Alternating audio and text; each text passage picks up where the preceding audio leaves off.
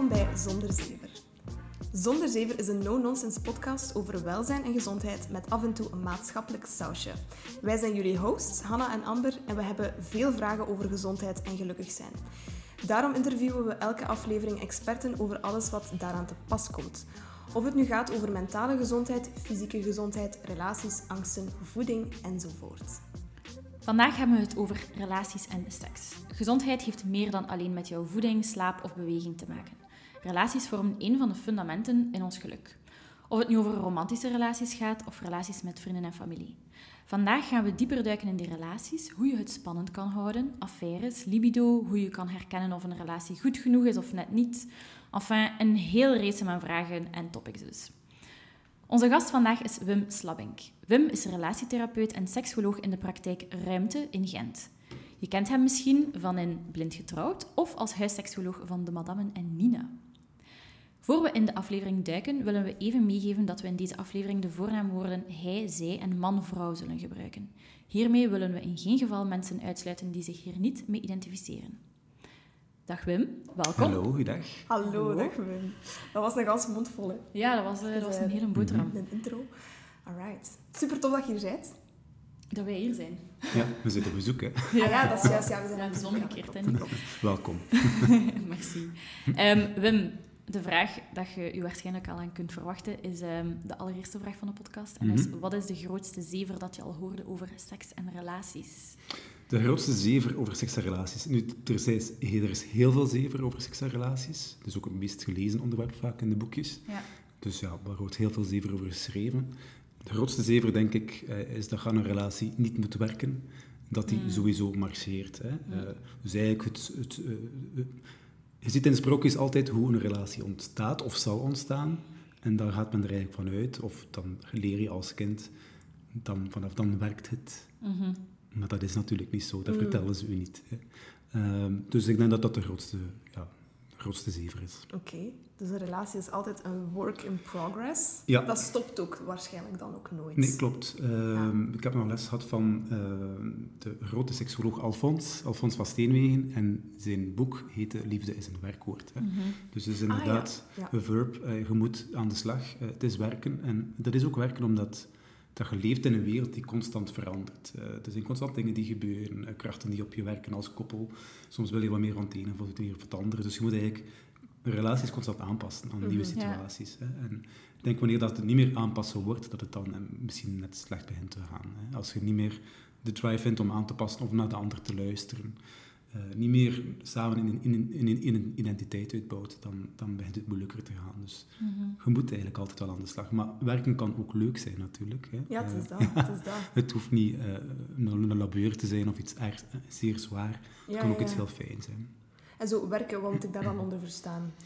Uh, wel, dan moet je gaan naar de definitie van wat een goeie, goed werk is, denk ik. Wat, waar, wat maakt dat iets leuk is om te doen of, of een leuke omgeving om in te werken? Dat is denk ik dat je voelt dat je een vrijheid hebt, uh, dat je kan doen wat dat je wil doen. En dat je ook gesteund wordt door de mensen rondom mm -hmm. u, uh, zijn de uw collega's of zijn de uw partner. Hè. En de, de hoop, de grote droom dat je hebt. Hè. En vandaar bouw je op je werk, maar eigenlijk ook in je privé, samen een identiteit. Hè. En als die identiteit daar niet is, of als je als partner eigenlijk absoluut niet geïnteresseerd bent in de nieuwe hobby van je partner, dan kan het zijn dat je eigenlijk elkaar langzaamaan verliest. Hè. Mhm, Dus het is, is, super, super belangrijk om, om uh, ja, voeter voor elkaar te zijn binnen de muren van, van, van je systeemke, van, van je gezin, van je relatie. Elkaar te steunen, maar ook daarbuiten. Hè. Dus eigenlijk als een soort van eenheid, als een rots Mhm. naar buiten te komen. Niet dat dat een keer minder mag zijn of moeilijk mag zijn, maar dat je wel absoluut steunt. Hè. En dan werk je ook aan je relatie, denk ik, daarin. Hè. En dan bouw je ook aan een goede relatie. Dat is trouwens het belangrijkste, denk ik, dat mensen uh, zouden moeten doen in een relatie. Hè. Elkaar blijven steunen. Mhm, Mm -hmm. um, maar soms is dat natuurlijk moeilijk, omdat er zoveel belangen op ons afkomen, denk ik. Uh, ja, moesten we allemaal misschien in een labootje staan, is misschien makkelijker, maar er is een buitenwereld, er is ook een digitale wereld die eigenlijk Ja. in onze privéwereld zit.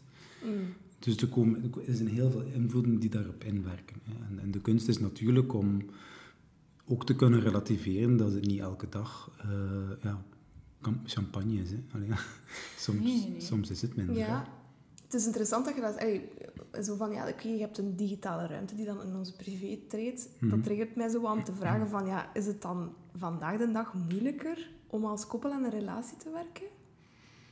Ehm, goh, dat is een heel moeilijke vraag. Ehm, zou het moeilijker zijn om aan een relatie te werken? Ehm, ik denk misschien vroeger dat, dat je wel... ehm, een relatie was misschien wel meer fixed in de zin dat, ehm, ja, zeker als vrouw, Ja. ehm, ja, je zat aan de haard. Hè. Dus je kon ook niet weg van de haard. Hè. Mhm. Ja. Dus dat maakt het natuurlijk heel moeilijk om te zeggen van ja, ik wil hieruit of, of eh, dit hoeft niet meer voor Mhm. mij. Nu heb je de mogelijkheid om te zeggen van kijk, als deze relatie niet werkt voor mij, dan, dan ben ik economisch onafhankelijk en gelukkig kunnen jullie dan niet de keuze maken natuurlijk. Dus kan je makkelijker uit de relatie stappen, wat een super groot voordeel is.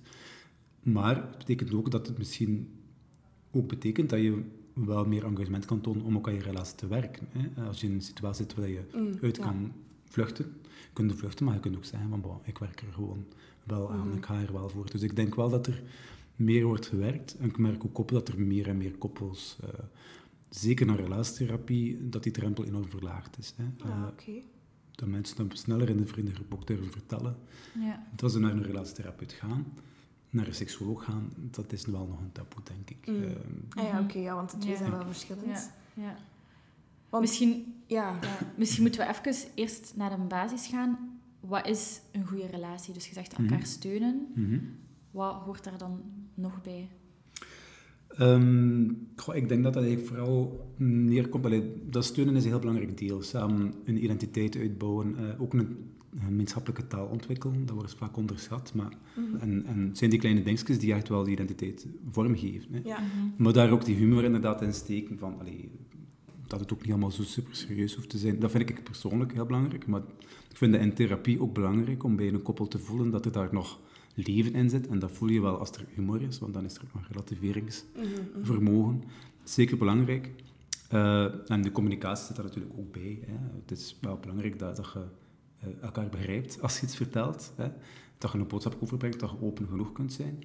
Maar aan de andere kant is het eigenlijk ook heel belangrijk dat, je, ehm, dat er ook duidelijke grenzen zijn. En dat is zowel voor, denk ik, monogame relaties als open relaties. Mhm. Er zijn ook wel bepaalde spelregels. Hè. Eh, het is leuk om een spel te spelen, maar als er geen spelregels zijn, ja, ja, gaat er misschien wel veel ambras ontstaan. Dus Mhm. het is wel belangrijk ook dat je nadenkt van ja, wat betekent het om trouw te zijn aan elkaar, maar wat betekent het ook om ontrouw te zijn aan elkaar en wanneer ga je daar eigenlijk over de grens? Hè? Of, of... Mhm. En misschien is het nog veel belangrijker dat ik dat niet uitleg, maar dat je dat aan elkaar vraagt. Ehm, Ja, ja, ja. dat je eigenlijk een conversatie hebt absoluut. met elkaar. Ja. Want de ingrediënten dat ik nu vertel, ja, Mm. dat is eigenlijk een soep. Mhm. En ik denk dat dat ook hetgeen is wat, je daar juist ook zei. Vroeger was het veel statischer, denk ik dan. Dat was een relatie. Je Mhm. ging trouwen en dan ging je gaan samenwonen. Hè? En, en Mhm. dan ging je kinderen krijgen. Ja. En allee, dat is nu heel dingen, maar zo was het wel vroeger. En nu is het denk ik meer van ja, pick and choose. Je hebt ook je digitaal tijdperk dat heel veel waarschijnlijk informatie opent en deuren opent en zo. Klopt. En iedereen heeft zo wel zijn eigen ja, recept van, ja... Maar ik denk wel dat er een aantal basisdingen zijn Mhm. die altijd goed moeten zitten. Gelijk Klopt. vertrouwen, gelijk die communicatie, gelijk... Ik weet het niet, ja, die spelregels, gelijk Mhm, je het zo mhm. zegt. Ehm, Ja, en ik denk dat dat inderdaad de belangrijkste ingrediënten zijn. En, los van de relatie komt daar misschien dan het aspect humor bij. eh, of eh, dat je al beiden eh, een culturele of artistieke interesse hebt, zeg maar iets. Of, of beiden heel graag sporten, whatever. Maar dat zijn dan de meer privé, allee, kleinere karakteristieken die van belang zijn. Ehm, en die gedeelde identiteit, absoluut. Ehm, ik denk als die gedeelde identiteit niet meer gevoeld wordt, dat de liefde een beetje sterft. En niet dat dat weer tot leven kan, want daarvoor, daarvoor zijn therapeuten natuurlijk om, om daar weer om te gaan werken. mhm. Ehm, en ja, ik bedoel, er komt wel veel op een koppel af. Hè. Allee, in het begin inderdaad, gelijk dat je zegt, eh, ja, je wordt verliefd, eh, we zijn heel veel tijd bij elkaar, het is heel spannend. Je gaat samenwonen, verbouwen, is niet voor alle koppels. eh, pas op, er zijn koppels die dat de max vinden. Hè. Mm. En daar loopt het dus vaak wel verkeerd. Mm. Je zei daarnet ehm dat mensen tot bij u komen en dat je wilt zien dat er zo nog altijd wel wat vuur in zit. Mhm. Wanneer is het dan bijvoorbeeld te laat? Ja, dat vraag ik me ook af. Is er een moment dat te laat is? Dat ga ik nooit zelf bepalen. Eh, Oké.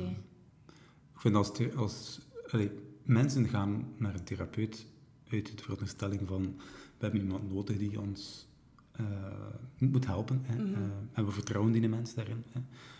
Dan wil ik niet die, die partypoeper zijn die van. Sorry, Ja. guys. ik voel het niet. Ik voel het niet. Nee, eh, nee, nee, ik heb er absoluut geloof in. in, in, in- Ja. allee, de, de mensen maken een existentiële keuze om in een relatietherapie te gaan om die relatie te redden of beter te maken. Soms is het ook beter dat mensen eh, niet Mhm. meer samen zijn. Hè. Mhm. Ehm, alleen allee, vind ik het wel belangrijk om, om mensen tot zoveel als mogelijk wel proberen te helpen Mhm. om van die relatie weer iets waardevols te maken. Mhm. Maar als je ja, na een aantal sessies merkt samen met koppel van ja, het, het werkt niet en, en er is bij hen ook geen drive meer om er verder voor te gaan, is het wel belangrijk dat je mo- andere mogelijkheden aanreikt ook. Mhm. Zonder te zeggen van, ga maar uit elkaar, maar dan kun je wel nadenken om bijvoorbeeld uit elkaar te gaan-. Het kan ook betekenen dat je misschien een andere relatievorm aanneemt. Hè. Eh, allee, ik vind dat een beetje vreemd dat mensen altijd denken van, dus we gaan gaan samenwonen en dan mochten we altijd samenwonen. Maar ik vind dat eigenlijk absurd dat dat hoeft. Allee, waarom zou je Mhm. altijd bij die vorm moeten blijven? Mhm. Misschien maakt die relatie wel weer of beter als er meer persoonlijke vrijheid is. Allee, om, een Ja. voor- om een voorbeeld te geven, ik had gisteren een vrouw bij mij. Mhm. Ehm, en zij zit nu een beetje naar midlife, dus is op zoek naar zichzelf, wil meer vrij zijn, wil minder mama zijn. Ja, Mhm. dan komt Mhm. corona natuurlijk, dus wordt ze enkel meer mama. Voelt zich heel Ja. gevangen. Hè. En die kwam op, opeens met de gedachte van, ja, maar zo, wat zou dat nu kunnen betekenen voor mij, mocht ik nu bijvoorbeeld een keer in de maand ergens anders wonen. En dat mijn man een keer op date komt, hè, dat hij nog een keer langskomt. En ze zei van, ja, dat zou de relatie weer spannend maken, zou de seksualiteit waarschijnlijk door Mhm, haar leven, mhm, mhm. omdat de relatievorm anders wordt. Hè. Dus Ja. dat je niet meer in een huis samen. Ja, Misschien ook omdat je dan een beetje uit de sleur bent. Absoluut, ja. maar ja, die routine. Mhm. Ja. Ik vind dat heel verfrissend dat je dan zegt van ja, er zijn gewoon keiveel mogelijkheden, Ja. waar dat gewoon heel veel mensen waarschijnlijk zelfs niet aan denken of zelfs nog niet aan durven denken. Ik denk dat het ook nog taboes zijn. Hè? Ja, Ehm, om, ja. om, als je samen woont hebt, het klinkt een beetje als een verlies. Hè? Ja. Ah, wel, is een, een stap terug Ja. tussen haakjes zo. Maar Voor dat, dat gevoel. ja, klopt. Maar ik denk dat het heel belangrijk is dat, dat, dat koppels, maar eigenlijk iedereen, verandering omarmen. In Mhm. de zin van, zoals dat je ook zegt, er kan een sleur ontstaan. Dat is niet erg. Ik, denk dat, ik vind sleur ook heel charmant. In een zekere Mhm. zin. Het is heel leuk om een keer een avond hetzelfde opnieuw te doen. Ik vind dat heel fijn. Mhm. Maar het is ook een keer leuk om dan een keer allee, out of the box te denken en een keer te denken van misschien kan het ook op een andere manier gaan. Ja. Hè? Ehm, er is niemand die zegt dat wat de meeste mensen doen, dat dat altijd zo geweest is. Dat is ook niet altijd zo geweest. Hè? Mhm. Ehm, dus het is belangrijk om die verandering te omarmen en, en daarover na te denken. En dat kan betekenen dat je nadenkt over je relatievorm. Zijn we monogaam? Blijven we dat? Hè? Dat kan betekenen over hoe dat je samenwoont. Hè? Maar wat dat mensen daar heel vaak mee verwarren, is dat als je dan niet, bijvoorbeeld niet meer zou samenwonen, dat dat, dat het vertrouwen in elkaar zou aantasten. Maar dat is niet noodzakelijk zo. Het kan een heel positieve keuze zijn om Mhm. Apart te gaan wonen. Het kan een heel positieve keuze zijn om je relatie te openen, bijvoorbeeld. Of die opnieuw te sluiten. Hè. Zolang dat je die keuzes allebei samen maakt. Ja. En dat is Ja. de essentie. Ja. Samen die identiteit bewaken en kiezen naar welke vorm dat die kan blijven voortbestaan. Mhm. ja, het is wel verfrissend. Maar ik, ik wil nog een klein stapje terugpakken, want Mhm. je zegt van ja, hè, eh, je bent coördinator van de ruimtepraktijk in Gent. Mhm. Ehm, ja, voor wat komen mensen allemaal naar de praktijk dan? Wa- wanneer, wanneer zeg je van ja, oké, ik moet in de relatietherapie of ik moet naar een seksuoloog of wij gaan naar een seksuoloog of whatever. Mhm. Ehm, hoe bepaalt je dat? Waar- waarom komen mensen bij u? Dat is heel divers. Ehm, als we kijken naar seksuele werk, ehm, dan zijn er verschillende luiken. Een eerste grote deel gaat over verschil in verlangen. Hè. Mhm. Ehm, dus het feit dat de man of de vrouw meer zin heeft eh, dan, Oeh, daar wil ik ze op inzoomen. dan de ander. Hè. Ehm, wat in C eigenlijk heel logisch is, want ik heb ook niet evenveel zin als mijn partner om de afwas te doen misschien. En zij heeft misschien ook niet evenveel zin om te gaan sporten met mij. Dus het is heel logisch dat we verschillen in dingen. Ja. Dus we verschillen logischerwijs ook in zin in elkaar. Dus, Mhm. maar bon, daar wordt er dus vaak rond gewerkt. Ehm, of iets normaal is of niet. En ja, er is eigenlijk niks normaal eh, in seks. Mhm. Er is geen algemene definitie van wat dat seks is. Of zou moeten zijn. De enige voorwaarde voor mij is dat iedereen er aan deelneemt. daar zijn plezier in vindt en ja. consent geeft. Ja, eh, ja, dat het oké aanvoelt. Eh, dat is het belangrijkste. Veel dingen gaan tegenwoordig ook wel rond ehm, identiteit. Hè? Hoe voel ik mij? Voel ik me man? Voel ik me vrouw? Voel ik me Ja, iets toch? anders? Ehm, ja, Oké. absoluut. Ik werk ook meer bij jongeren. Wat ik ook een goede evolutie vind, dat, dat zij de, de ruimte krijgen om daarover na te denken. Oké. En Dat dat niet was zoals dat ik eh, toen ik jong was, dat ik een jongen was en dus allemaal jongensdingen moest doen. Hm. Ja, Ehm, voilà. Dus, ja, ja, dat is zo. Dus dat is zeker eh, waardevol. Ehm, en als je dan kijkt naar de relationele begeleiding, gaat dat heel vaak over, ehm, ja, wat ik daar zo net zo bedoel, een beetje de, denk, je kunt het wel samenvatten, denk ik, over de, onder de afwezigheid van een gedeelde identiteit, of het Mhm. een beetje te mankeren van een voldoende gedeelde identiteit. Ehm, en dat kan zich uiten in weinig communiceren met elkaar, weinig verbindende dingen doen, of dingen doen die weinig verbindend zijn. Hè. Mhm. Eh, het zit vaak op, op die vlakken. Hè. Ehm, maar het kunnen ook heel andere dingen zijn. Allee, dat is het leuke aan het werk als therapeut. Ook al is het de twintigste cliënt dat je ziet rond verminderd verlangen, het is elke keer weer anders, Mhm. omdat Ja. elke mens anders is. Ja, nice. Ja. Ik heb nog een vraagje over ehm, een relatie in het algemeen. Heb je het gevoel dat mensen nu sneller uit elkaar gaan dan vroeger? Ehm, voor, mhm. allee, het is sowieso voor andere redenen. Nu allee, kunnen wij als vrouw gewoon makkelijker zeggen, oké, ik pak mijn boel en ik ben weg. Mhm. Ehm, maar heb je dan het gevoel dat mensen nu gelukkiger zijn op relationeel vlak? Ik vind het zeker niet verkeerd dat mensen eh, meer geluk nastreven in hun relatie. Dus ehm, hoort soms de cijfers van de scheidingen en, en, de, de mensen die uit elkaar gaan. Mhm. Maar Dus dat is niet slecht, toch? Absoluut, Als je ja. inderdaad ergens Ehm, anders gelukkig kunt zijn. Zeker, maar er zijn ook veel mensen die scheiden en die eigenlijk wel content kunnen terugkijken op hun huwelijk. Hè. Eh, een huwelijk van 20 jaar kan 18 jaar goed gaan. Hè. Maar misschien heeft dat zijn tijd ook wel gehad. Dat kan. Hè. Mhm. Ehm, dus dat is niet noodza- noodzakelijk altijd iets slechts. Mhm. En als je bij het gevoel hebt van, ja, dit is eigenlijk een situatie die ons niet meer gelukkig maakt, en we hebben eigenlijk heel veel dingen geprobeerd om dat beter te maken, is het dan een betere keuze om tot je 80, 90 bij elkaar te blijven? Ja, maar hoe weet je of dat een relatie je niet meer gelukkig maakt of dat je gewoon zodanig lang bij elkaar zit al dat het routine of Ja, de eh, sleur geworden is of, Ja. of dat elkaar meer dan ja, echt gewoon zijn? Klopt. Ehm, maar ik denk dat ten eerste een relatie moet jou niet gelukkig maken. En dat is een beetje een misvatting, denk ik. Oef, dat vind ik een goede quote. Ik denk dat het belangrijk is dat je zelf in staat bent om jezelf voldoende tevreden te stellen. Dus Mm. het is niet de taak van onze partner om ons te entertainen. Eh, het is natuurlijk fijn als men dat doet, hè. maar het is eigenlijk vooral onze taak om ervoor te zorgen dat onze relatie voldoende bevredigend is. En we moeten Mhm. niet eigenlijk gaan wachten tot onze partner uit zijn kot komt. Nee, het is aan ons om die initiatieven te nemen. Hè. Mhm. En heel vaak, dat merk ik ook op in therapie, zien mensen de initiatieven van de partner niet. Hè. De kleine dingen dat we voor elkaar doen. eh, Mm. De koffie dat, dat je misschien voor je, je man of vrouw of whatever geeft. 's ochtends. Allee, soms zien we dat niet meer. Hè. Eh, of de was Ja. die, die, gedaan wordt. Hè. De kinderen die aangekleed worden enzovoort. Hè. Het zijn allemaal tekenen van liefde, maar die heel, heel vaak niet meer gezien worden. Ehm, maar fundamenteel eh, ben je eigenlijk zelf verantwoordelijk voor je geluk. En je geluk wordt niet enkel gemaakt in je relatie, maar ook natuurlijk op je werk, met de collega's, met je vrienden enzovoort. En daar staat je partner niet voor in. Ja. Oké, dat maakt het dan wel complex, hè? Zo van, wanneer is het dan genoeg? Mhm. Het is niet makkelijk, hè? Nee. Nee. Nee, dat, is, dat zijn echt... allee. Ja. En En, je gaat daar lang ook bij niet- iemand samen zijn. Ja, Ja. en je gaat dan hè? ook niet over één nacht ijs, zo gezegd. Van, ja, Nee. Ik denk dat dat ook wel een valkuil is van sommige mensen die dan zo... Ja, oké, dat gebeurt kei vaak. Is van, ja, zouden we dan gewoon niet samen blijven, want we zijn al zo lang samen. en We hebben een huis, en we hebben kindjes. En ja, dat is ook gewoon... It makes sense, want dat is een gans gedoe. En, maar eigenlijk... maar je mocht, ja, je mocht de dingen ook niet met elkaar verwarren. Hè? Ehm, een relatie die al enkele jaren er is, is een andere vorm van verlangen, is een andere vorm van samen zijn, mhm, dan een relatie die nog een verliefdheid kent. Hè? Mhm. Ehm, Want verliefdheid gaat weg, toch?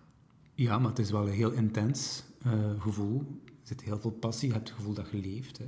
Wat dat mensen die ontrouw zijn bijvoorbeeld ook heel vaak aangeven, van ik heb opnieuw het gevoel dat ik leef. Ja. Ehm, dat ik nog een keer mezelf kan zijn helemaal. Hè? Dat ik een deeltje van mezelf heb.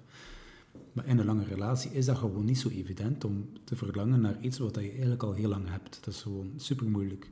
Allee, je kunt iets nieuws kopen, zelfs nu dat je een, nieuwe fiets koopt. Hè. En in het begin kunnen ze super tevreden zijn. Ah, dat is een leuke fiets. maar na zeven jaar, allee, ja, smit dat die, die waarschijnlijk gewoon ergens tegen de muur en je kijkt er niet zo naar om, je doet niet meer zo goed op slot. Hè. Maar dat wil niet zeggen dat je niet altijd heel fijne momenten met die fiets samen kunt hebben. En eigenlijk is een relatie een beetje hetzelfde. Het verlangen verandert. Dus verlangen gaat eigenlijk van spontaan, zeer expressief, naar eigenlijk een responsief verlangen. Dus seksualiteit ontstaat niet op direct, maar gaat eigenlijk ontstaan door bij elkaar te zijn, intimiteit op te zoeken, elkaar te strelen. En dat gaat zo tot stand komen. Dus het is eigenlijk iets helemaal anders. Hè? Dus het is niet omdat je bijvoorbeeld verlangt naar dat spontane, dat je niet meer kunt... ac- eh, dat je niet meer fijn kunt vinden wat dat je al hebt. Hè? Maar je mocht die twee niet verwarren, want dat zijn absoluut twee verschillende dingen. Oké. Maar het is wel heel menselijk om daarna te verlangen, natuurlijk. Omdat we ook allee, als mensen geprogrammeerd zijn om eigenlijk meerdere seksuele relaties erop na te houden. Dus eigenlijk is het heel logisch dat je brain, brain na, na twee, drie jaar, vier jaar, gaat zeggen van, is dat nu eigenlijk wel nodig dat wij met die mensen altijd wonen? Hè? Moeten wij alleen met die persoon seks hebben? Zou het dan niet fijn zijn om een keer met iemand anders te vrijen? Dat zijn heel normale menselijke, dierlijke verlangens. Hè? Ja, maar niet evident voor het gesprek over te openen, denk ik dan. Nee, nee, absoluut niet. Ehm, maar allee, ik vind wel zelf ook allee, dat het wel kan helpen om er wel over te praten. Niet omdat je daar een, keuze zou moeten maken, maar dat het wel een zekere openheid creëert. Dat is ook iets Ja. wat dat veel van mijn cliënten vertelt. Het feit dat het bespreekbaar is, neemt eigenlijk al heel veel spanning en druk. Ja, tuurlijk. Ja, Ja. absoluut. Ja, een relatie betekent ook dat je allee, bij het huwelijk zeg maar, in goede en slechte dagen, Mhm, en daar zit een hele grote waarheid in. Eh, als je partner even wat minder is, ja, dan zal dit niet op alle vlakken super zijn. Hè. Mhm. Dat is soms ook gewoon zwaar het leven. Hè. Maar het zijn wel die belangrijke existentiële dingen die, die een relatie sterker maken, of, of allee, meer identiteit, identiteit opnieuw kunnen geven. Hè. Ehm, maar nee, ik word zelf al vermoeid als ik hoor vertellen van ja, alles moet daar goed zitten. Ja, ik zou er niet meer aan beginnen. Maar dat is Nee. wel vaak het beeld dat we krijgen, toch? Zeker, ja. Dat is ook door de ja. media dat je dat beeld krijgt. Maar ik denk wel een keer dat je zo... Maar- allee, hoe lang zijn jullie relaties, als ik dat mag vragen? Hmm, Hoe ik zou wel moeten denken, zeg. Ik, eh, ik is zes. Zes jaar? Dan denk ik iets van een 7, 8 jaar. Oké, zo. nou toch ook al Ja, eh, lange wel. relaties. Ja. Ja. Content van. Kan niet klagen. Allee, de sessie is begonnen. En waar zit, waar, zit off the record gaan. waar zit het meest trots op in uw relatie? Oh nee, oh, we vragen me dat niet. Oh, dat weet ik niet. Ik kan daar wel op antwoorden. Wij zijn super eerlijk tegen elkaar. Hmm. En super communicatief. Ja, dat is wel waar. Ja. En dat, wat geeft je dat dan eh in return, dat je dat kunt zijn? Allee, het Bedoelde? feit dat je goed kunt communiceren. Hè? Welk gevoel geeft jou dat dan? Ah, dat, dat zorgt ervoor dat ik vooral mijzelf kan zijn, maar dat ik ook gewoon genoeg vertrouwen heb en Hmm. dat ik zo... eh, Een gevoel van rust eigenlijk. Oké, ja. Ja, Hm. dat er niets moet, dat je niets moet zijn, dat je gewoon jezelf ja voilà. zijn. En dat je alle twee Ja. gewoon een eigen persoon bent, maar dat je over alles kunt babbelen en dat ik wel een keer een crisis kan hebben, maar dat is oké. Zoals iedereen. Ja, Zo, daar kan ja, ik dat. ook wel in herkennen. Ja. Maar bij mij is dat ook dat gevoel van rust. Zo... Ja.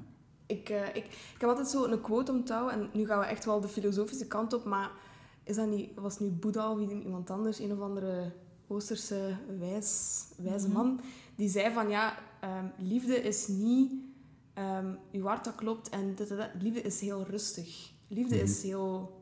Kalm en heel soothing. En daar heb ik wel het gevoel dat ik zo wel in mijn relatie dan ook wel ben. Dat ik, ook al ben ik de hele druk en... Dat, dat, dat, mijn, dat, Mhm. mijn, dat mijn lief kan zeggen van... Hey, it's all good. En dat ik ook... Dat, ik denk dat wij de beste dingen wel in elkaar naar boven halen. Ik denk dat dat Ja. mijn antwoord is. Ja, ja. Ja.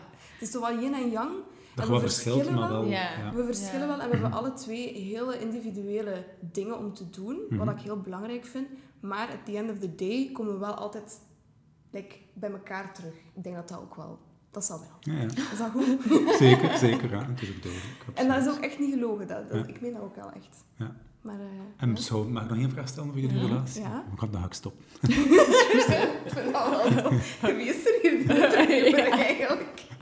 Ehm, beschouwen jullie in je relatie, zijn jullie goede vrienden van elkaar eigenlijk ook? Allee, in de relatie zelf, zou je het als een goede vriendschap ook beschouwen? Ja, Ja, sowieso. Ja, Ja. ja. blijkt dat dat eigenlijk de belangrijkste factor is om in een goede relatie te zijn, dat je eigenlijk een goede vriendschap hebt. Ja. Maar, allee, ik kan niet spreken over u, maar wij waren eigenlijk gewoon al kei lang vrienden. Ah ja, kijk. Ja. Ja. Dus, en dan ineens is de, De vonk overgeslagen. zou ik maar zeggen.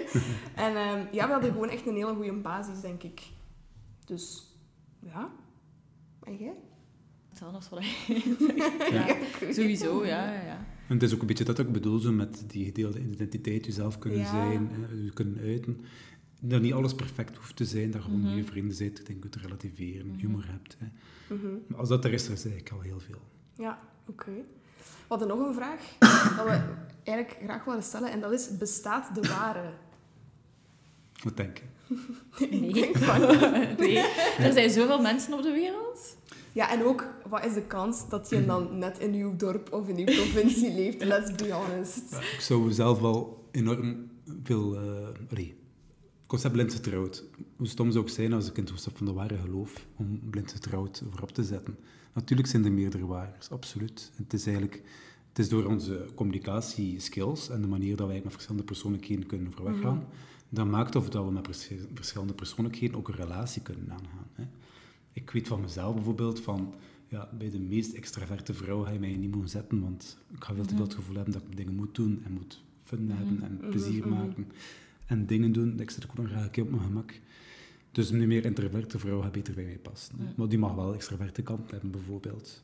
Maar dat is wel iets heel fundamenteels, dat je eigenlijk allee, gewoon goed beseft van...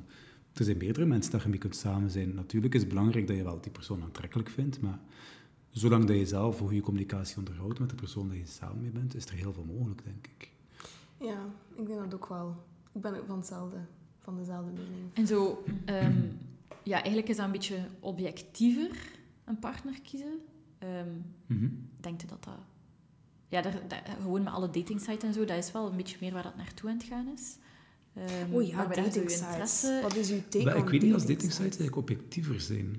Eh, omdat uiteindelijk ga je heel veel contacten hebben met verschillende mensen en dan kies je toch voor je gut feeling die zegt van, ah ja, die, daar ga ik voor. Ja, maar je kiest wel op basis van een profiel waar je bijvoorbeeld ziet Ja, staan, eh, ik weet niet, eh, mama van twee kindjes, eh, dit is mijn beroep, dit is Mhm. mijn Maar leeftijd. Dus dat is af op meer objectief, terwijl dat je misschien vroeger in een café iemand zag en Mhm. dat is je subjectiviteit toch, als ik dat wel zo kunt zeggen. En dan je zegt, ah, die persoon ziet er wel knap uit of ah, Mhm. ik voel me daar wel tot aangetrokken. Maar nu krijg je echt letterlijk al een breakdown, hè? Je Als jij vroeger ja. op café, je kunt niet aan iemand zien en jij kinderen of niet. Ah. Maar ja, dat is, Dat is dus toch- een andere en manier nu- van daten. En nu is dat echt... veranderd, Ja, bon, Ja. kinderen, woont daar, dit, Mhm. dat, die een job, bla bla bla bla. En je hebt al direct geschift, hè? Dat is zo jammer, hè? Want je hebt al En zoveel... eigenlijk is dat niet Ja. zo... Ja. Ja. Denk je dat dat minder positief is? Dat het Goh, spontane er een beetje af is dan? Ik vond dat toch heel leuk. ehm, in, ja, in mijn tijd, zoals ik dat al zie. maar bon, ja, wij gingen op café en dat was toch wel meer serieus allemaal dat tijd. En, eh, allee, Ja, ik probeerde is- contact te leggen, oogcontact maken. En ik was, ik was er Dat ook was zo toch goed zo in. Maar spannend bon, dat is toch leuk en Ja, spannend. ja. En nu is dat gewoon zo vanuit je sofa. Maar misschien is dat ook allee, voor veel mensen spannend, ik weet het niet. Ehm, maar me- ja, ik vond het toch wel echt wel... Ik heb ook nooit kunnen tinderen, dus ik heb het nooit meegemaakt, jammer genoeg. En nee, wij ook niet. Maar of- wij zijn wel een, een netlogkoppel. is dat? Ja, ja, absoluut. Ja. Die bestaan nog altijd zeker of niet? Dat is toe. Dat is toe geworden, datings, ja, ja. Maar vroeger was dat dus niet, hè? Het was meer het social, het was meer MySpace, hè? Ja, de ja, Vlaamse maar we hebben MySpace. elkaar zo leren kennen. Grappig. Ah, zalig. Ja. Dus eh, kijk. Maar ehm, ja, interesting. Ik denk ook dat het, het concept van blind getrouwd, dat dat ook perfect aansluit bij ja, wat je er juist al vertelde, verteld had. Van, ja, er is niet op één potje past één dekselke. Mhm. Het is een kwestie van eraan werken en elkaar vinden op bepaalde dingen. En ook gewoon accepteren dat je dan op bepaalde zaken misschien minder matcht.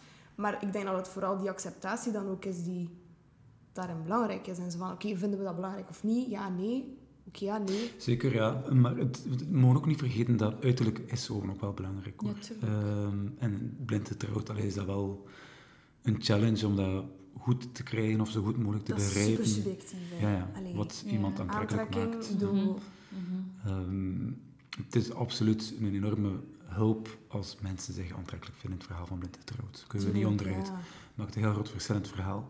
Maar het is niet onmogelijk. Allee, We hebben ook al verhalen gehad dat die sparkle daar niet meteen was. Eh, denk bijvoorbeeld aan het verhaal tussen Victor en Line, als je dat nog Ja. herkent.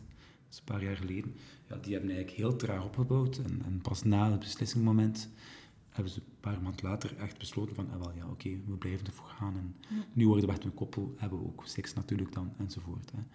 Dus het kan ook een heel traag verhaal zijn, maar dat is ook een beetje wat we zien. Als je zo kijkt naar studies rond geluk in ehm, koppels die gearrangeerd samenkomen, of die romantisch Ja, samenkomen, ja. hè, dan zie je bij de romantische koppels die dus trouwen, hè, Ja. dat die in het begin supergelukkig zijn, want ze trouwen. Hè.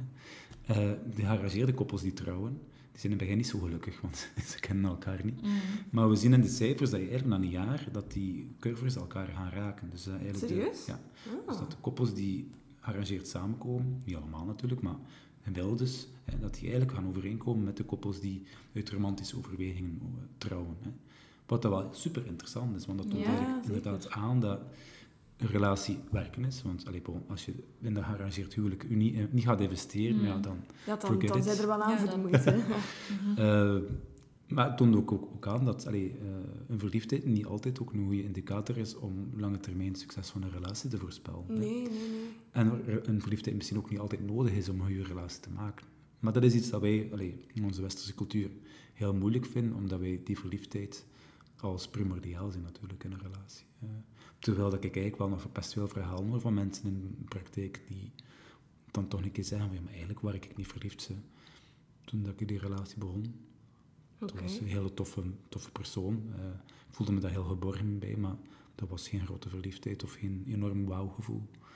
Maar het was goed genoeg. En dat kan dus ook. Ja. maar ja, maar dat is wel... Ja. Ik vind dat wel goed om te horen dat dat niet altijd zo... Ja. Maar het- de whirlwind, weg, zotte ja. relatie met zo mega verwachtingen Mhm. eh, hoeft te zijn. Dus dat je elkaar Mhm. ook op een andere manier kunt Ja. graag zien. Want je ziet elkaar dan wel graag, hè. Gewoon, Absoluut. Ja. Mhm. Je raakt er misschien gewoon op een andere manier. Ja. Het kan wel een groot gemis zijn natuurlijk, hè, net omdat we dat verwachten in een relatie. Je moet Ja. verliefd worden en dat voel ik wel heel hard hier in de praktijk, dat mensen eh, ja, daarmee worstelen als dat niet Ja? hebben. Hè. Is dat? Ja. Ah, ik moet verliefd worden. Ja. Maar ja, gelijk dat ik daarnet zei, verliefdheid gaan en een tijd toch ook weg. Ja, dat is Dus- duidelijk. 16 maanden is het sowieso op. Eh, dat is een chemisch... eh, dat is eigenlijk gewoon een raveparty in je hoofd. Verliefdheid. Dat is niks anders. Ja, ik ging dan ook vragen. Ja, maar de verwachtingen daartoe is wel anders. Je verwacht dat je altijd in je relatie verliefd gaat blijven. En altijd die vl- vlindertjes gaat Ja. hebben. En altijd elkaar gaat willen bespringen vanaf dat je elkaar ziet. Maar Oh ja. Het zijn dezelfde hormonen als dat je cocaïne neemt. Dus, eh, het Echt? Geeft, ja, eh, het geeft u dopamine, dus eh, het maakt u eigenlijk, het heeft het beloningshormoon dat je eigenlijk voelt van het is fijn, maar het is ook het verslavende in de zin van op het moment dat je niet meer bij de persoon bent waar je op verliefd bent, wilt hij eigenlijk al terug zijn. Hè?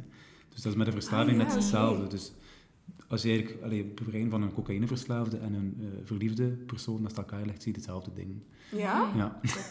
Dus verliefdheid is eigenlijk gewoon een verslaving. Eh, een Maar heel mooie dan- verslaving. Ja. Ja.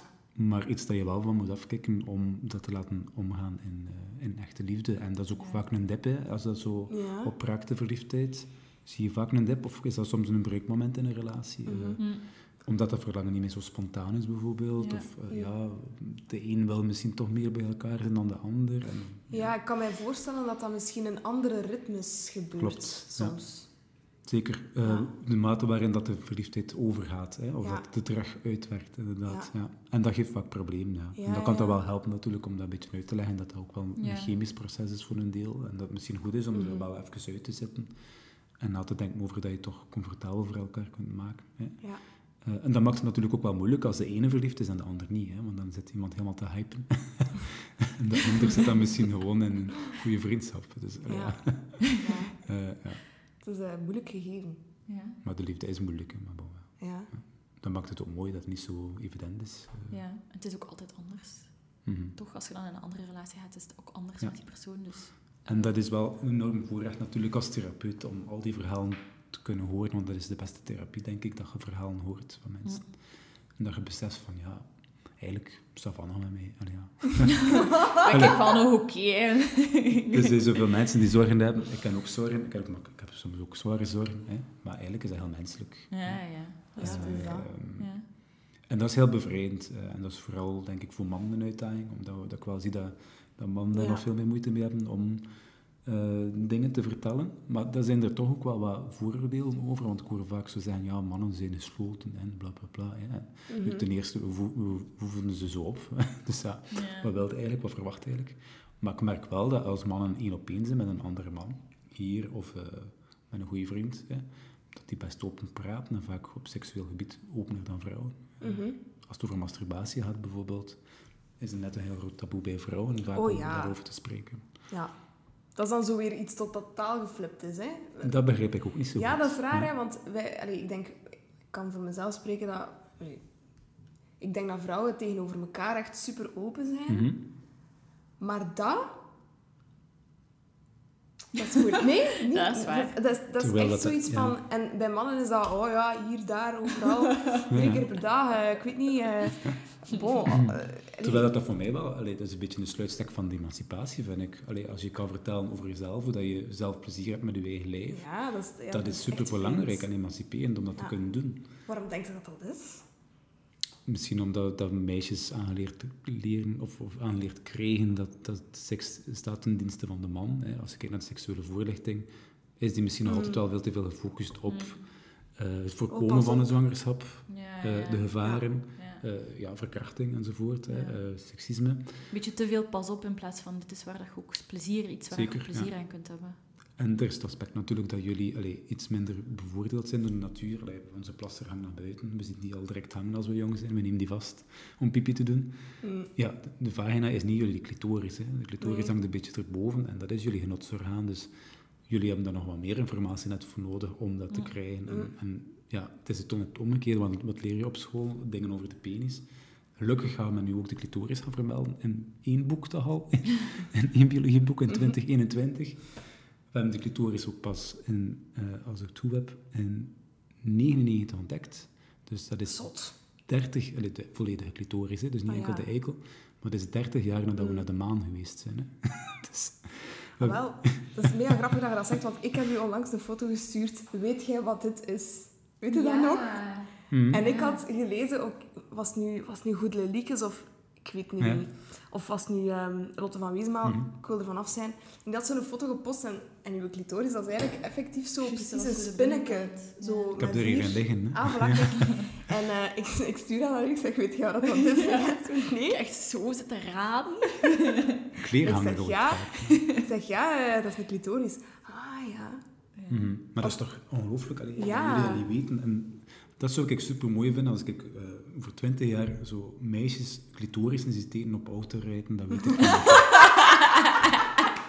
Dan is dit Dan zijn we er. Dan zijn we er, Dan zijn we zijn er. Oh, Maar dan ja. die geen penissen tekenen, of dan kijk naar jongens die penissen tekenen, of dan een keer een jongen een clitoris tekenen. Ja. Ja, Zo- zo awesome. vernieuwend zijn. Oh, een clitoris. Badass. Oh. Zo moeilijk is dat niet zo. We zullen eh, wat, wat in de show notes even eh, een dingen zetten van... Ja, een link naar die foto. Ja, voilà. We hebben het daarnet gehad over libido en dat je in een relatie ehm, ja, dus niet altijd Mhm. op hetzelfde niveau zit van libido. Wat doe je daar dan bijvoorbeeld aan? Want ik denk dat dat wel vaak voorkomt. Hè? Ja, komt Toch? in Allee, elke relatie Ja, in voor. elke relatie. Maar ja, logisch. Je zit nooit op hetzelfde niveau. Nee, het is sowieso verschillend. Hè. Behalve als je verliefd bent. ja, dan, Dan Eh, ja, is het ja. wel alle twee spontaan en heb je meestal altijd zin en hoef je niet te slapen. Hè. Ehm, nee, dat is een uitdaging. En dus ik denk dat dat in elke relatie een uitdaging is. Ook omdat, ja, allee, het is ook niet zo dat we meestal de spelregels hebben dat je dan met iemand anders seks hebt hè, om dat op te lossen. Allee, stel nu dat wij Mm. samen voetballen hè, eh, en je hebt geen zin om te voetballen. Ja. Dan ga je met een andere voetballer. Of we gaan op restaurant en hij heeft geen zin, ja, dan bel ik iemand anders misschien. Maar op dit vlak zetten we het heel tight, dus dat geeft ook heel veel spanning, of mogelijke Ja. spanning. dus wat dat echt absoluut van heel groot belang is, is heel veel respect voor hoe je partner het beleeft, denk ik. En, eh, wederzijds begrip daarin, ook begrip dat het nooit helemaal goed gaat zijn misschien, hè, of, of gelijk, en dat dat ook misschien niet hoeft. Ehm, en van daaruit gaan kijken wat dat daar mogelijk is, hè, om daar inderdaad allee, Mm. rond te gaan doen. Het is niet het makkelijkste onderwerp altijd om rond te werken. Maar allee, er zijn wel ingangspoorten die heel vaak goed werken daarin. Eh, ehm, heel vaak allee, gaan wij Westerlingen in het hoofd zitten hè, als het over seks gaat. Allee, ik heb geen verlangen. Dat zitten we vaak met ons hoofd te denken, terwijl eigenlijk is dat een fysieke activiteit verlangen, voelen. Hè. Dus ja, Ja, zitten we te veel in ons hoofd? ik denk dat wel, ja. Ehm, dat we ook te veel ervan uitgaan. Allee, bijvoorbeeld wat ik heel vaak hoor eh, bij koppels is dat ja, dat begint de een te strelen aan de ander en dan zegt de ander, ik heb geen zin. Maar ja, tuurlijk heb je geen zin. Ja, je hebt die ene streel gekregen. Wacht, ik heb nog streelkeus. Absoluut. Wacht, kijk ik hier nog wat Maar dingen ja. in. Ja. Ja. Genotsknots, gelijk dat het zo schoon zei op dat moves. Ik vond het geweldig, ik heb echt lid opgedacht. Ehm, nee, maar eh, ja, ontdek maar en voel maar. eh, maar sta het ook misschien toe. En als je ook voelt van ja, ik heb Mm. geen zin, van ja, denk dan misschien een keer, ja, wat kan er dan misschien helpen om die zin wel te krijgen? En ik voel wel dat er daar heel vaak spanning zit bij een partner die misschien meer spontaan verlangt, dus snel verlangt. En iemand anders die misschien wat trager op gang komt. Ja, ja. Dus eigenlijk is de uitdaging om elkaar in die seksuele respons, om elkaar snelheid te vinden en een beetje allee, Mhm. samen in hang te raken. Hè? Wat, wat, wat geeft je dan zo al als advies? Want Ja. ik, ik, ik kan me voorstellen dat, je zo, dat er zo mensen zeggen van... Een plan. Een plan. Ja, ja. ja. En dan moet je moet. En de- ik weet nog, eh, een paar jaar geleden was er ook zo een, ehm, een programma op tv. Hoe heette het nu weer? Alle dagen seks. Mhm. En dat was zo met een paar koppels. Dat was een fiasco. Ja, was dat? En dat was dan zo 30 dagen lang. Moesten die elke dag iets van seksuele handelingen doen. Ze hebben mij daar nog voor gebeld. Maar, Ja, echt. En eh, ja, dat, dat leek me dan ook zo... Ja. maar kijk, als het, dat zijn van die rare experimenten misschien. als het moeten is, dan werkt het meestal niet. Eh, dat is ook in therapie zo. Allee, als ik iets meegeef en ze voelen dat dat moet, dat, zou, dat, gaat, dan- dat gaat nooit werken. Dus het gaat over dingen die, die haalbaar moeten zijn. Hè. Mhm. Maar voor sommigen is het heel haalbaar om een planning op te maken. Net, hè. Mhm. En natuurlijk is dat, gaat dat niet werken als dat is van, ah ja, het is zeven uur, oké, we gaan naar boven en we beginnen eraan. Ja, dat, zo gaat het niet marcheren. Hè. Ehm, Nee, want dat is geen aan- en uitknop. Inderdaad. Ja. Maar het gaat me dan misschien eerder over de anticipatie van hm, vandaag is het zover Ja. hè, en ik weet eigenlijk wel zo dat. Maar- en je kunt ja. misschien voor je eigen er al wat in Zeker, komen zeker. of zo. Is het dan eerder dat? En voor sommige mensen die worstelen met verminderd verlangen, kan het net heel bevrijdend zijn om te weten van, en wat moeten we dan nu een keer zes dagen geen zorgen over maken. Mhm. En die zevende dag, oké, dan maken we daar tijd voor. Maar dan Mhm. kunnen ze dat wel zes dagen uit hun hoofd Mhm. houden. Het is ook kwestie van wat je nodig hebt. Hè? Zeker. Ja. En bij een ander koppel is dat dan... het was gisteren een koppel en die vrouw zei van, ah, ja, maar ik zou dat wel een keer fijn vinden om samen porno te kijken. Die man was nog niet helemaal mee. Die viel zo van zijn stoel. Maar Wat? hij, ja, maar hij vond het wel heel uitdagend van zijn vrouw om dat te horen. Want zijn Mhm. vrouw is eigenlijk de, de, allee, de, de, de partner die minder zin heeft dan. Ja, hè. ja, ja. Ehm, Is dat ook eigenlijk iets, sorry dat ik onderbreek, maar vaak wordt er in de boekjes dan eh, getoond dat mannen meer zin hebben in seks dan vrouwen. Maar ja, Maar is dat echt zo of niet? dacht ik ook voordat ik eh, aan therapie begon. maar ik heb al veel mijn mening moeten bijstellen over mannen en vrouwen. Nee, dat is gewoon één pot nat. Allee, in de zin van, het loopt allemaal door elkaar. Eh, als je echt naar gemiddelden kijkt, zullen wat meer mannen eh, meer zin hebben dan hun vrouwelijke partner? Ja.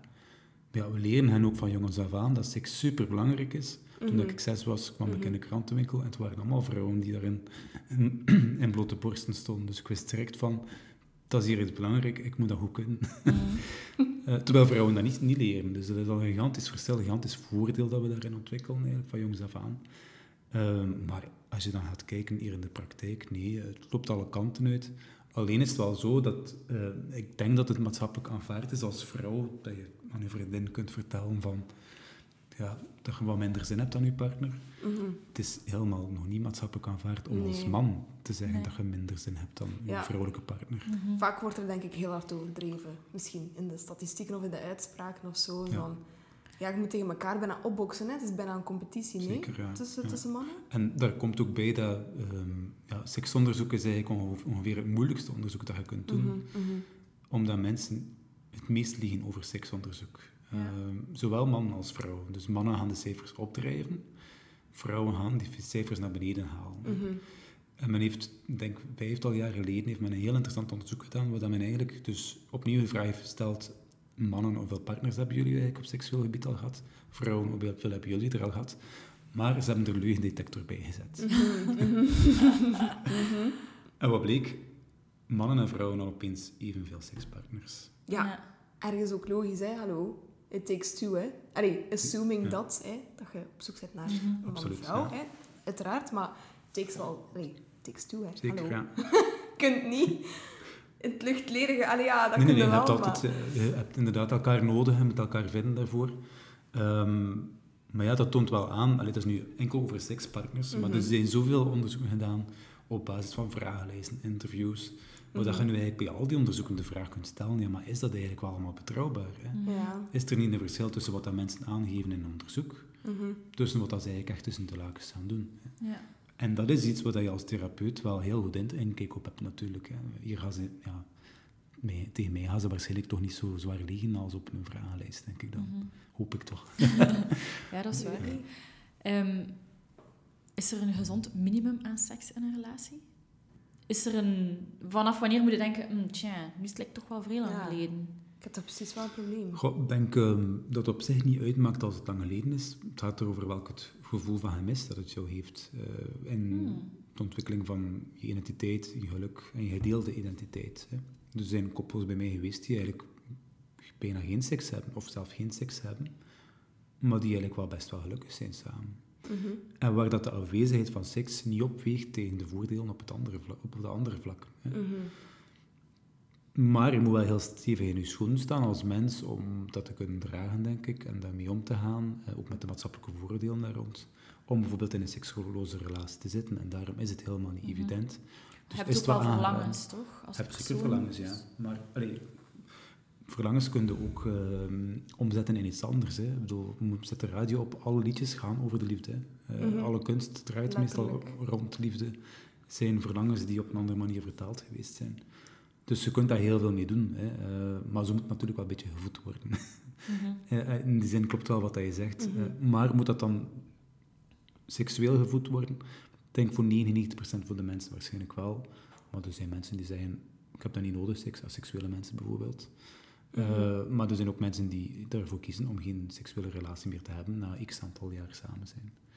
En op zich, als dat hun keuze is, eh, en als ze hun, allez, zich daarin kunnen vinden, is daar ook niks verkeerd mee. Maar voor de meeste mensen werkt dat niet en hebben ze dat absoluut wel nodig. Mhm. Ja. Mhm. Hoe houd je het dan spannend in een relatie? Op seksueel gebied? Ja, op seksueel. Ehm, goh, ik denk dat... Dat gaat eigenlijk over alle vlakken van de relatie, niet enkel seksueel, maar het moet een goede mix zijn tussen enerzijds het vinden van geborgenheid, denk ik. Dus knusse dingen doen, eh, dingen die veiligheid bieden. Hè. Mhm. Dus dat betekent, eh, bepaal, op seksueel gebied had dat betekenen dat je bepaalde rituelen hebt, hè, of bepaalde dingen die herhaald mogen worden. Maar dat je ook wel het leuke avontuur niet vergeet. Hè. Ehm, Mhm. Als je het op Ah, relatievlak opnieuw bekijkt, ja, met alleen binnen te zitten ga je ook niet gelukkig worden. Hè. Je moet soms een keer naar buiten gaan, denk ik. Mhm. Samen iets beleven, op Mhm. reis gaan, wat dan ook. Maar je kunt ook op seksuele reis gaan, natuurlijk. En een keer samen iets nieuws proberen. Het kan een speeltje zijn, kan eh, kijken naar een filmpje zijn. Dat kan eh, elkaar... Een heel mooi verhaal van een cliënt van mij is dat hij een erotisch verhaal voorleest voor zijn partner, bijvoorbeeld. En, en elkaar Ah, wijden ja, ze zo op, bijvoorbeeld. Of die spreken elkaar boodschappen in. Ehm, maar er zijn zoveel creatieve mensen eigenlijk in mijn praktijk. Allee, die moest ik dat allemaal schrijven, heb ik direct een boek, denk ik, voor dat die allemaal uitsteken. En dat zijn dan de mensen die problemen hebben. Hè. Dus, eh, Ja. allee, ja. Mensen zijn creatief. Hè. Ehm, dus er komen heel mooie dingen uit. Allee, er is nu een man die, die zo ja, WhatsApp-boodschappen inspreekt voor zijn vrouw en zijn vrouw doet dat dan terug. Het verhaal ook van, van, van de vrouw dat ik daarnet vertelde, die eraan denkt om bijvoorbeeld een maandje niet meer thuis te wonen, Mhm, om die mhm. spanning weer te verhogen. Dat is ook iets avontuurlijk. Hè. Ehm, dus het gaat over die balans tussen geborgenheid enerzijds en avontuur. En Mm. als je daar ergens een balans in vindt, dan zijn je goed bezig, denk ik. Ja, Maar seks hoeft niet altijd eh, spetterend. En, allee, seks biedt ook geborgenheid, denk ik. Hè. Mhm. Dus voor mij is het heel Mhm. belangrijk, voor mijn vriendin bijvoorbeeld ook. eh, maar voor heel veel mensen, denk ik, het gaat niet alleen over welk standje dat je doet, het gaat vooral met welk gevoel dat je dat standje Ja. doet, denk ik. Ik wil misschien nog iets vragen dat we het daar net niet over gehad hebben, ehm, als we over relaties gebabbeld hebben, en dat was vertrouwen in een relatie. Trouw? Of? Vertrouwen, Vertrouwen, vertrouwen, ja. Ehm, hoe belangrijk is dat vertrouwen in een relatie? En ja, nu heb je... kunt, als je in een, in een, ehm, in een eh, monogame relatie zit, Mhm. vroeger kon je op een andere manier het vertrouwen breken. Nu heb je ook bijvoorbeeld emotionele affaires dat je kunt hebben. Mhm. Ehm, Digitaal. digitale affaires. Mhm. Is dat iets dat dan nog kan hersteld worden als dat vertrouwen wordt gebroken? Ehm, Uh, vertrouwen is heel fundamenteel in een relatie. Um, ik denk dat je in, in, een relatie een beetje naïef vertrouwen moet hebben. Allee, we zitten hier nu alle drie hier en we zijn niet bij onze partner. Maar ik denk dat we alle drie wat naïef vertrouwen hebben of het geloof dat onze partner wat het goede doet nu voor ons. Hè? Dat hij dan niet zit te voos met een ander. uh, dus vertrouwen is heel belangrijk uh, voor veiligheid te ontwikkelen en op je gemak te voelen in een relatie.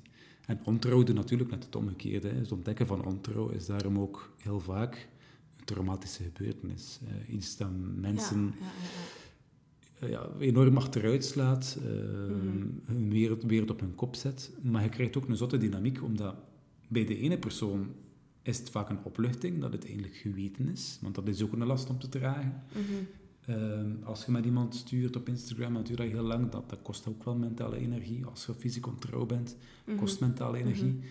Het komt uit, ach, oef, het is eruit. Maar voor je partner begint de shit pas. Hè. Dus ja. die ontdekt het dan en, en ja, die moet eigenlijk heel dat verwerkingsproces nog aanvatten. Dus je hebt daar twee snelheden, dat is super moeilijk.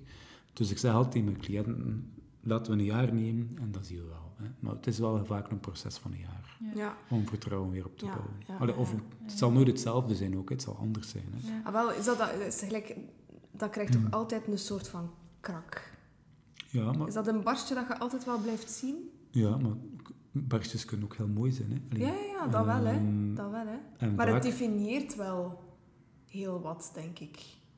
Het definieert heel veel, maar het heeft ons aan de andere kant ook wel de mogelijkheid om opnieuw op een, ik zou zelf zeggen, een verfrissende manier naar onze partner te kijken. En dat klinkt misschien paradoxaal, maar iets als ontrouw zet uw relatie zo op, elkaar, op zijn kop, zit dat zo doorheen, ja. dat het resultaat is dat uh, de mensen in een relatie heel vaak wel weer kunnen praten, heel lang met elkaar praten.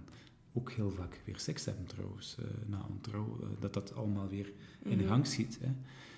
En dat ze dan eigenlijk ook beseffen van ja, maar dat is eigenlijk wel een stukje wat dat we kwijt waren in onze mm -hmm. relatie, of dat er wel meer zou mogen zijn. Hè. Alright. Dus het, het, ja, het kan eigenlijk soms een noodzakelijk kwaad zijn, of zo.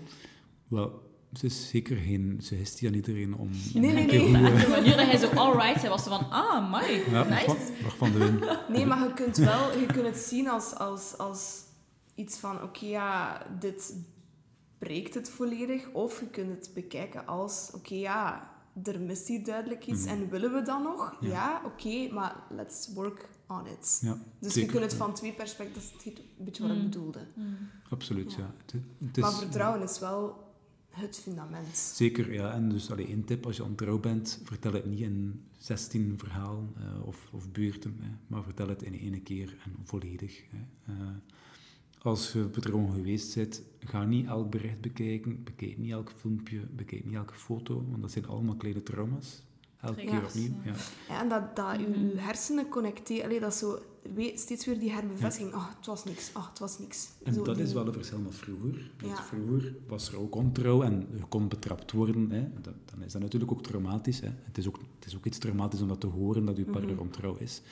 Maar het zien uh, of het horen van ontrouw... Ik heb ooit een verschrikkelijk verhaal gehoord van een man die een seksfilm had gevonden van een uur. Hè, en, en um, heeft zichzelf elke dag heeft hij hem verplicht om die seksfilm van zijn vrouw Oei. helemaal te bekijken. Allee, oef. Een beetje pervers misschien, maar... Um, en met welke reden? Dus met welke reden? Omdat dit wou begrijpen wat er daar gebeurde. Ja. Oh nee. Ja, maar dat is een gigantisch traumatiserende, absoluut. Ja, ja dat, is, dat is wel uh, zeer extreem. En waarom denkt u eigenlijk dat sommige mensen die zeer gelukkig lijken in een relatie, dan toch ontrouw zijn aan elkaar? Dat gebeurt inderdaad ook. Dus ja, het is niet, want dat is ja, ook een beetje een illusie veel. van uh, mensen zijn ontrouw omdat ze ongelukkig zijn. Nee, uh, gelukkige mensen zijn ook ontrouw. Er zijn verschillende redenen. Uh, een deel is, um, kijk, als je seks leuk vindt, is de kans ook groot dat je dat met meerdere personen leuk vindt. Hè? Dus het is niet omdat je relatie seksueel goed is, dat dat niet ook fijn kan zijn om met iemand anders te vrijen. Hè? Dus die groep staat daar wel wat meer open voor om dat te doen. Um, maar we zien ook uh, dat heel veel mensen die ontrouw zijn, um, ja, vaak geen schuldgevoel daar rond hebben. Toch geen schuldgevoel naar zichzelf. Hè? Omdat het wel een deeltje is van hunzelf, dat ze eigenlijk hebben. Hè? Dus het gevoel van, hier leef ik wel weer en hier voel ik me leven. Het is fijn voor mij om dit te beleven, het geeft mij eigenlijk heel veel energie. Hè? Um, Dus dat maakt dat mensen dat ook niet zo snel soms opgeven, omdat ze zoveel andere rollen hebben als mama, als papa, als ik zeg maar iets bankdirecteur of poetsvrouw. Uh, het geeft Mm. u wel nog een keer de kans om gewoon vrij te zijn misschien. Mm. En niet zo een afgemeten rol in de maatschappij te moeten Ja. aannemen. Hè. En dat is wel iets dat in, ja, in affaires heel sterk naar boven komt, dat zo die, die vrijheid, een beetje zo de adolescentenvrijheid eigenlijk, een beetje van gewoon zot te mogen doen. Hè. Ja, dat is heel moeilijk soms in het volwassen leven. Dus dat is wel de... de, de Ja, zeker als inderdaad als de persoon er niet van af weet, kan dat gelijk dat gezegd als een bom inslaan. ja, het is niks Ja, zo... minst gezegd, hè. Ja. Allee, ja. Het is niks zo explosief als uh, ontrouw in een relatie. Je kan Ja. in vijf seconden een relatie van 20 jaar stuk maken. Mhm. En 80% kiest ervoor om het toch op te biechten en in 50% van de gevallen gaan mensen uit elkaar. Dus het is enorm gevaarlijk en toxisch. Hè. Ja. Maar het is zeker niet onmogelijk om opnieuw uit dat dal te klimmen. En je gaat niet in dezelfde Mm, vallei ja. terechtkomen. Het zal iets anders zijn. Jezelf te heruitvinden misschien als, als koppel of... of ik weet Zeker, niet, ja. En, eh, maar bon, eh, het kan wel, wat het wel doet, is dat het wel mensen aanzet om te praten. Hè. En Ja. waar dat de gesprekken stilgevallen waren, worden er wel vaardigheden ontwikkeld om opnieuw in communicatie te treden. Hè. En dat is wel nuttig naar de toekomst. Ja. Alright. Verfrissend. Ja. Ja, echt. Ja? Ik hoop dat jullie als luisteraars er ook heel veel aan gehad hebben. Ehm, stuur ons zeker jullie feedback. En eh, ja, dan eh, horen wij jullie de volgende keer. Merci allemaal. Bye.